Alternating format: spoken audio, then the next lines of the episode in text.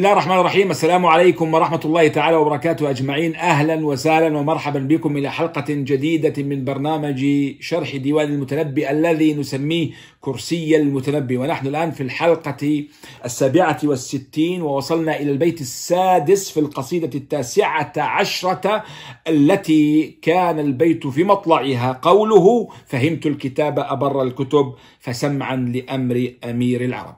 وسنكمل أبيات خمسة أخرى إن شاء الله تعالى من هذه القصيدة. والأبيات الخمسة يقول فيها في البيت السادس في البيت السادس ابتداء منه يقول وما قلت للبدر أنت اللجين ولا قلت للشمس أنت الذهب فيقلق منه بعيد الأنات ويغضب منه البطيء الغضب.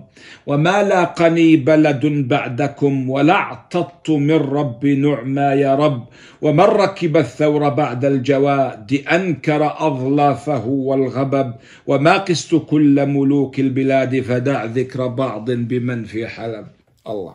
يقول في البيت السادس وما قلت للبدر أنت اللجين ولا قلت للشمس أنت الذهب. طبعا اختلف الشراح بالمناسبة في هذا البيت وأنا لا أذهب مذهبهم أو مذهب أكثرهم من أنه يريد أن يقول إنني لم أهجك يا سيف الدولة. هو طبعا لم يهجو سيف الدولة هذا شيء طبيعي. هو عتب عليه ربما وقال وكنا به قال وما انتفاع أخي الدنيا بناظره أخوك في الدنيا عليه. وقصده سيف الدولة طبعا بس ما بيقدر. مش خوفا من سيف الدولة لم يخف المتنبي من ملك في حياته. هذه واحد من من صفاته وسماته التي يجب أن تعرف. وكان يعني إحنا قلنا ملخصه شاعر ثائر متمرد. وكان لا يقيم وزنا لأحد ولا حتى لنفسه واقفا تحت أخمصي قدر نفسي واقفا تحت أخمصي الأنام. ولكن يعني حتى لا تصبح القضية شخصية لأنه أحيانا يترفع عن الشخصي في الشعر.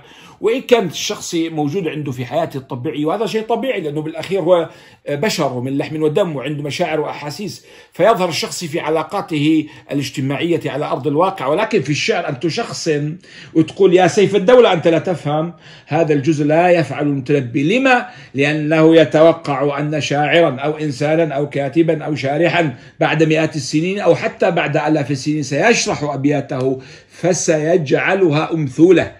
يعني نموذج ما مش خاصة بسيف الدولة وإنما خاصة بالنفس البشرية. وهذا هو أحد, أحد أهم أسباب خلود شعر المتنبي. لما يقول أيهما أخلد؟ أن يقول وما انتفاع سيف الدولة بناظره إذا استوت عنده الأنوار والظلم بهذه الشخصنة وبهذا الوضوح وبهذه المباشرة؟ أم يقول وما انتفاع أخي الدنيا بناظره؟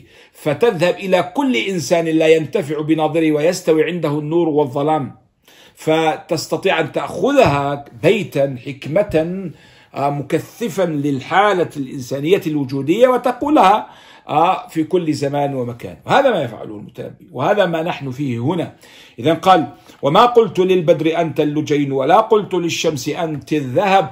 فهو قال الشراح أنه لم يهجه. إحنا قلنا طبيعي جدا أنه لم يهجه. وإن عاتبه وإن لامه وإن يعني اشتد عليه في اللوم والعتاب. ولكن يريد أن يقول إنني لم أقل لك ما كان واضحا. فكلهم يشبهون. هذا شيء هو بده يقول إن التشبيه البدر باللجين اللجين الفضة. فيقول قرص من الفضة البدر لأنه أبيض. أو في بعض الأيام يميل إلى اللون الأبيض أو اللون الفضي. فنقول والله قرص من الفضة. هذا يتق... هذا مش يتقنه. هذا يقول أي شاعر. ولا قلت للشمس أنت الذهب. إنه الشمس والله أنت قرص من الذهب أو أنت قطعة من الذهب. وهذا كل واحد يستطيع أن يقوله.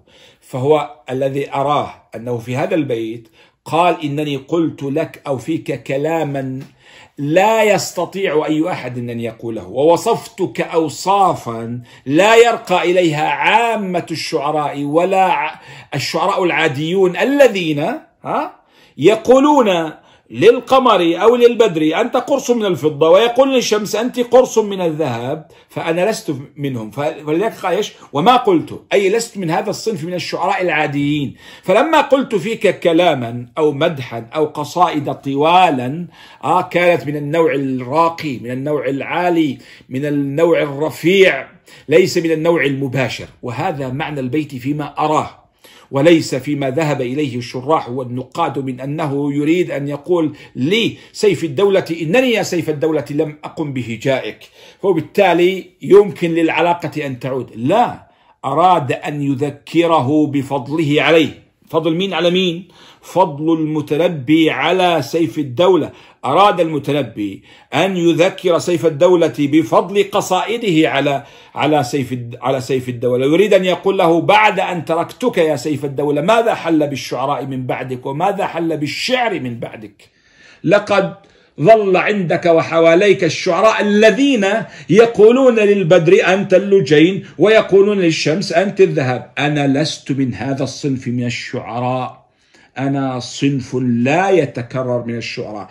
فنفسية المتنبي اللي إحنا دائما نشرح ديوان المتنبي بناء على نفسيته التي ثقفناها ولمسناها ووعيناها ورأيناها من خلال قصائده من خلال هذا الزمن الطويل في العيش مع قصائده يصلح لها في هذا المقام أن يقول إنني لست شاعرا عاديا فماذا حل بالشعر والشعراء من بعدي؟ أظن هيك يقول له أظن يا سيف الدولة أن ندمك على فراقي أكثر من ندمي أنا على فراقك إذ ظل بعدك شعراء صغار هو قال عنهم أفي كل يوم تحت ضبني شويعر صغير أو ضعيف يقاويني صغير يطاول قصير يطاول. شو هالشعراء هو قال له الميمية آه، فلا تقولن شعرا بعد شاعره. شاعره هي يعني هو قد أفسد القول حتى أحمد الصمم. وقال له في الدالية. شوف كلهم معاني واحدة نفسية واحدة. قال له في الدالية أيضا. قال له آه ودع كل صوت. كل شعر غيري. ودع كل صوت غير صوتي فإنني أنا الصائح المحكي والآخر الصدى. كل هذول صدى لما أقول أصلا بيسرقوا مني أصلا ظل لي. وليسوا شعراء حقيقيين كلهم خزف لماع. والله هيك هكذا أرى أن أنا هذا البيت بخلاف ما قاله كثيرون من الشراح. أرى أنه يريد أن يذكره بشاعريته حين كان بين يديه وأنه فقد هذا الشاعر اللي هو المتنبي وفقد هذا الشعر اللي هو شعر المتنبي حين تركه المتنبي وبقيت بين يديه صغار الشعراء. قال له وما قلت للبدر أنت اللجين؟ ولا قلت للشمس أنت الذهب. ثم قال في البيت السابع فيقلق منه بعيد الأنات.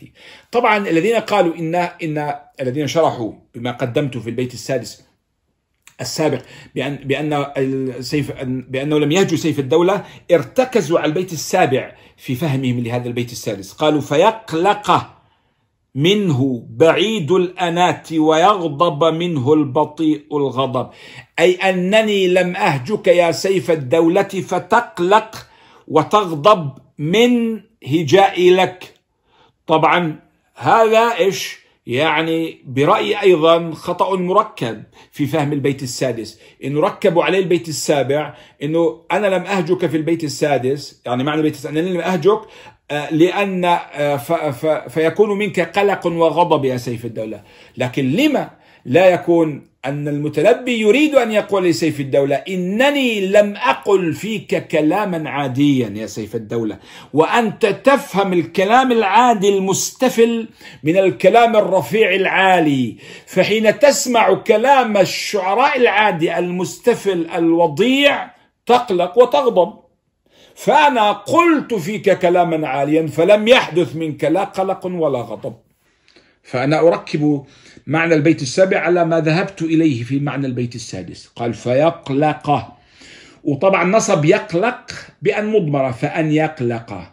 لأنه هي الفاء السببية يقولون لها في العربية تنصب الفعل المضارع وهي تعمل في ثمانية أحوال أو في ثمانية أحوال. قال اسمية طلبية وبجامد وبلا ولن وبقد وبالتنفيس لا. أنا أخطأت. هذه الثمان أحوال هذه في آه، في اقتران الفاء بجواب الشرط. لكن إذا سبقت بنفي آه، وسبقت باستفهام كقوله تعالى هل لنا من شفعاء فيشفع لنا هي الفاء السببية نعم. فتنصب الفعل المضارع. يعني فهل هل لنا من شفعاء من أجل هل لنا من شفعاء فيشفع من أجل أن يشفعوا لنا فتنصب. هنا سبقت باستفهام هل لنا من شفعاء. وهنا سبقت بنفي. قال وما قلت للبدر في البيت السادس أنت اللجين ولا قلت للشمس أنت الذهب فيقلق آه، فيحدث أن يقلق فلأجل ذلك يقلق. عشان هيك الفاء السببية سبقت بنفي. فيقلق فيقلق منه بعيد الأناة. بعيد يعني عالي. الأناة الصبر والحلم والرفق. ويقصد صفة سيف الدولة أنه بعيد الأنا أنه حليم رجل حليم. فيقلق من شعره. هو لو بقيت على الغضب آه فقط غضب يغضب سيف الدولة اللي بالشطر الثاني من البيت السابع لكان هناك وجاهة لرأي بعض الشراح الذين قالوا أي أنه لم يهجه أي أراد أو شرحوا البيت السادس بأنه لم يهجه لسيف الدولة. لكن آه، إذا كان شرحهم أو يعني معنى الذي ذهبوا إليه صحيحا ها فلماذا قال يقلق؟ سيغضب من الهجاء. لكن يقلق لا. لكن إذا كان الكلام الذي قيل وهذا ما ذهبت إليه مستفل فيقلق. كيف يقلق؟ يقول ما الذي حدث لك أيها المتلبي لقد عودتنا على القصائد العظيمة. فقلق. شو صار حتى صرت تقول كلام عادي. ويغضب إنه يا أخي كيف تحكي فيها كيف تقول في كلاما بسيطا مثل هذا؟ وأنت قد عودتنا على أن تقول فينا الحكمة والفلسفة والكلام العميق. فالمعنى الذي ذهبت إليه يصلح له القلق والغضب ولكن المعنى الذي ذهب إليه الشراح من أنه لا يريد هجاءه لا يصلح له إلا الغضب ولا يصلح له القلق. لكن استفال الشعراء وعدم قولهم الكلام الفصيح البليغ العاليه يقلق سيف الدولة ويغضبه في الآن معا. قال فيقلق منه بعيد الأنات الرجل الحليم وهو سيف الدولة ويغضب منه البطيء الغضب. البطيء الغضب زي البعيد الأنا نفس الشيء هذا ترادف. والبطيء الغضب الذي لا يغضب بسرعة وهو الإنسان الحليم. وأيضا يقصد سيف الدولة. ولذلك تفريع البيت السابع على البيت السادس أوجه في أنه لم يقل فيه كلاما بسيطا وعاديا إنما قال فيه كلاما عظيما. ولو كان قد قال فيه كلاما بسيطا وعاديا لقلق سيف الدولة ولغضب ثم قال في البيت الثامن وما لاقني بلد بعدكم. والله في حسرة هذا البيت في حزن شديد من المتنبي وفي إقرار أيضا ب آه، آه، يعني عظمة سيف الدولة وأيضا إقرار بجمال العهد الذي كان بينه وبين سيف الدولة يعني بين المتنبي وسيف الدولة وبجمال العهد الميثاق يعني وجمال عهد الحياة. العيش الناظر الذي كان في بلاط سيف الدولة. فقال وما لاقني بلد بعدكم ولا اعتدت من رب نعما يا رب. قال يعني ما أمسكني لاقني أمسكني بلد بعدكم يعني ما جلست في بلد بعدكم أبدا. يعني أوقات قليلة وأترك البلد. أي أنني لم أجد بغيتي وطلبتي وغايتي في البلدان التي غادرت إليها بعدك يا سيف الدولة. مع أنني مكثت في عندك يا سيف الدولة في حلب تسع سنوات. لكن بعد أن تركتك ما لاقني بلد بعدكم. حزين. ما لاقني ما أمسكني. فتراني أجلس شهرا أو شهرين في هذا البلد وأتركها. فلا أجد هدوءا ولا استقرارا ولا اطمئنانا. ولا أجد من يستحق المدح مثلما كنت أجد عندك يا سيف الدولة. فيتحسر على الماضي الذي كان عند سيف الدولة. وما لاقني بلد بعدكم. بيت الثامن. ولا اعتضت من رب نعما يا رب. يعني ولا أخذت عوضا. اعتضت من العوض المقابل. من رب نعماي اللي هو أنت يا سيف الدولة كنت رب نعمتي يعني صاحب نعمتي. رب صاحب جديد. وما اعتضت من رب نعمة يا رب. وكان يشير طبعا إلى كافور الخشيدي قال أنني لم ألق من الملوك بعدك ما يكافئك يا سيف الدولة. ولم ألق من الأمراء بعدك ما يكون عوضا عنك يا سيف الدولة. وإن كافورا الإخشيدي وكل الأمراء والملوك الذين لقيتهم من بعدك لا يعوضونني عنك يا سيف الدولة شيئا. فحزين في هذا البيت. قال وما لاقني بلد بعدكم ولا اعتضتم من ربي نعما يا رب. ثم قال في البيت التاسع ومن ركب الثور بعد الجواد أنكر أظلافه والغبب الثور قصده عن كافور الخشيدي والجواد قصده عن سيف الدولة. لك أن تتصور المشهدية الآن. الثور كيف ضخم وأسود وكذلك كان كافور الخشيدي ضخما وأسود. والجواد رشيق وأنيق وجميل وكذلك كان سيف الدولة رشيقا وأنيقا وجميلا. إذا قال ومن ركب الثور بعد الجواد؟ طبعا النقاد لاموه على كلمة ركب. فأنت تقول ركب الثور أول شيء الثور لا يركب ثاني شيء قال لا أقول أنا أنا لا أذهب مذهبه. قالوا الثور لا يركب. ثم قال حتى لو أردتها للجواد فكيف تركب سيف الدولة؟ يعني هذا عيب تقولها في مقام سيف الدولة. ولكن لا أدري كيف يفكر النقاد بهذه الطريقة والمقصود مجازي ومن ركب يعني ومن عاش ومن صادق ومن ماشى ومن ساير ومن صاحب. هاي ركب مش ركب الحقيقي يعني أكيد طبعا مش ركب الحقيقي. وأكيد سيكون ستكون كلمة لا يتقنها سيف لا يتقنها المتنبي ولا تخرج من المتنبي أن يكون المعنى الحقيقي هو المراد أن يركب الثور أو يركب الجواد. لا. المقصود ومن عاش ومن عايش ومن جلس في آه، في بلاط الثور ليس كمن جلس في بلاط الجواد. الثور يخور ولا يخرج وضخم الجثة ودائما قليل الحركة. آه ويخور ويخط... الجواد رشيق أنيق سريع قوي يدخل المعارك لا يدخل الثور الثور المعارك قال ومن ركب الثور بعد الجواد أنكر يقصد نفسه أنكر أظلافه. معروف الأظلاف جميع ظلف والظلف للثور آه وللشاة وللبقر مثل آه آه الحافر للحمار. ومثل أيضا الخف للبعير. هذا الظلف. أنكر أظلافه الهاء عائدة على الثور. يعني أنكر الذي يصاحب هذا الثور أظلافه والغبب الغبب ما يتدلى. اللغلوغ يعني بالعامية بنحكيه فشوف كيف الصورة المشهدية الكاركترية الساخرة التي يرسمها آه، المتنبي لكافور الإخشيدي يعني يهجو كافور الإخشيدي ويمدح سيف الدولة بعد أن ترك كليهما طبعا. وهذا طبعا من أسلوب المتنبي ومن استمراره على ما اعتاد عليه من هذه النفسية المريرة. آه، الغضب إذا قلنا اللغلوغ اللي هو الشيء التي الذي يتدلى من تحت عنق الثور أو من تحت آه، أي عنق آخر مثل مثلا قد يكون الديك هذا اسمه غضب. آه، فيقول إنه أنا بعد أن تركتك يا سيف الدولة وقد عشت بينك وكنت جوادا ذهبت إلى الثور. له أظلاف وله غبب وليس له عنق كعنق الجواد. مستقيمه صقيلة وليس له آه، أرجل كأرجل الجواد.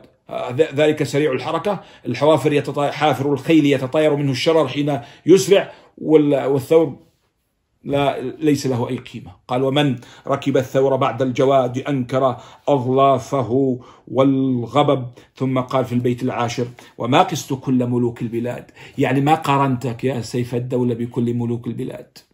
وما جمعت كل الملوك البلاد في آه، موقف أو مجمع واحد وصرت أقارن بينهما. ليش؟ صح هل هل الكون لم يخلو أو ليس فيه إلا سيف الدولة كفرخشيدي فيه كثير. من الملوك والأمراء كثير ولا أعيان والولاء الذين كل واحد منهم أخذ زاوية وصار وليا على مدينتنا وعلى حينا وعلى كثير في زمنه. يريد أن يشير أيضا إلى كثرة الدول والدويلات والتفرق الأمراء والملوك والسلاطين. قال وما قصد كل ملوك البلاد؟ ففيش داعي أجمعوا في موقف واحد أو في قصيدة واحدة ملوك البلاد كلهم أو ملوك البلاد كلهم وأقارن بينهم. ليش؟ لأنه خلاص ما دام سيف الدولة موجود فكل ملك دونه دون. فلا فلو ما جبت أي ملك جيب ملكين جيب عشرة جيب مية جيب ألف كلهم يسقطون أمام سيف الدولة. ففيش داعي تجيبهم. فلا داعي لذكرهم. ولذلك إيش قال؟ وما قست كل ملوك البلاد قايستهم يعني قستهم بك أو قستهم أو قست بعضهم ببعض. قارنت بينهم. وما قست كل ملوك البلاد فدع ذكر بعض. أي دع ذكر بعض الملوك بمن في حلب ويقصد سيف الدولة. فاترككم كلهم فاترككم كلهم إذا وزنتهم بسيف الدولة فإن ميزانهم سيشين وإنه سيطيش. وإنك ستثقل يا سيف الدولة وستنتصر وستفوز آه، بالمقارنة معهم. وما قست كل ملوك البلاد فدع ذكر بعض بمن في حلب. ونكتفي بهذا البيت العاشر. نقف هنا. إن شاء الله تعالى نلتقيكم في الحلقة الثامنة والستين. فإلى ذلك الحين أترككم في رعاية الله. السلام عليكم ورحمة الله تعالى وبركاته.